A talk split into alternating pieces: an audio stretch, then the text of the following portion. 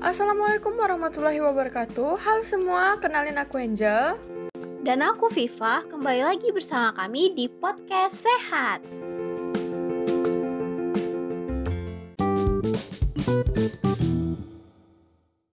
Oh iya Afifah, kamu tahu nggak sih permasalahan tentang mental illness? Wah, kebetulan banget nih. Hari ini kita bakal cerita-cerita mengenai mental illness, Jel. Apa itu mental illness? Apa aja contohnya? Dan bagaimana sih tips-tips agar terhindar dari hal tersebut?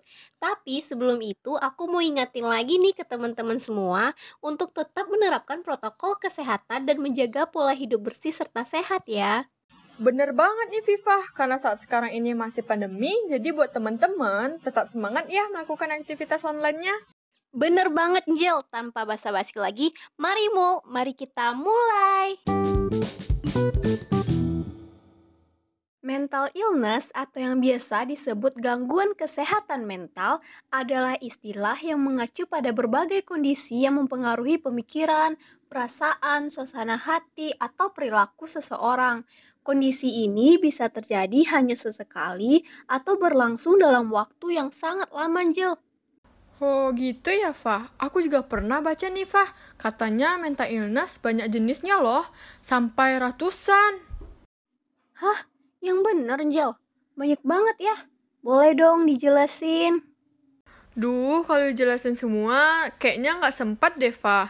Tapi gini nih, sebenarnya ada lebih dari 200 jenis mental illness yang bisa dialami oleh seseorang. Namun, hanya beberapa yang cukup sering terjadi. Apa aja tuh, Jel? Yang pertama ada gangguan kecemasan Nifa. Ini merupakan salah satu jenis mental illness yang biasanya terjadi. Gangguan ini seperti merasa takut atau terancam saat berhadapan dengan objek atau situasi tertentu. Yang kedua ada depresi. Depresi ini seperti gangguan mood yang dapat menyebabkan gejala seperti perasaan sedih, kehilangan, atau kemarahan yang berlarut-larut.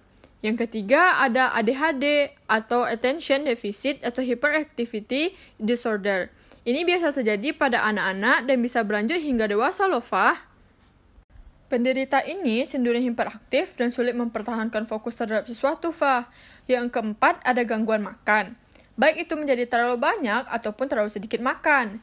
Yang kelima, ada gangguan pasca trauma. Dan yang keenam, ada skizofrenia, yaitu jenis mental illness yang terjadi saat penderitanya tidak mampu membedakan antara kenyataan dan pikirannya sendiri. Gangguan ini bisa menyebabkan penderitanya mengalami pemikiran yang tidak realistis, halusinasi, serta perubahan perilaku. Jadi kayak gitu, Fa, jenis-jenis dari mental illness.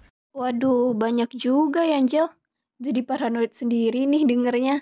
Apalagi terkadang mental illness tidak dianggap sebagai sebuah penyakit dan bahkan dicap buruk oleh masyarakat. Tapi untuk segala permasalahan yang ada, tentu punya solusi dan antisipasi terbaik ya, Angel.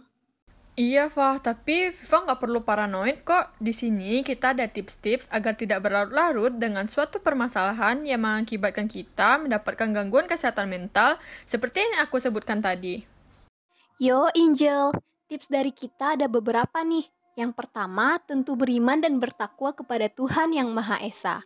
Yang kedua, kenali permasalahan yang dihadapi dan carilah teman cerita, bisa dengan keluarga maupun sahabat. Tips ketiga adalah lakukan hal produktif agar kamu lebih bahagia dan tidak tenggelam dengan pemikiran negatif. Yang keempat, berbaik hatilah kepada diri sendiri dengan mencintai dirimu. Nah, sekian dulu nih dari kami. Kalau dari teman-teman, apa nih tips-tips hebat agar terhindar dari mental illness?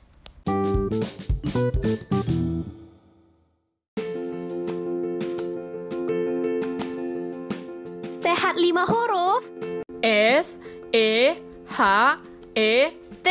Sehat. Bye bye.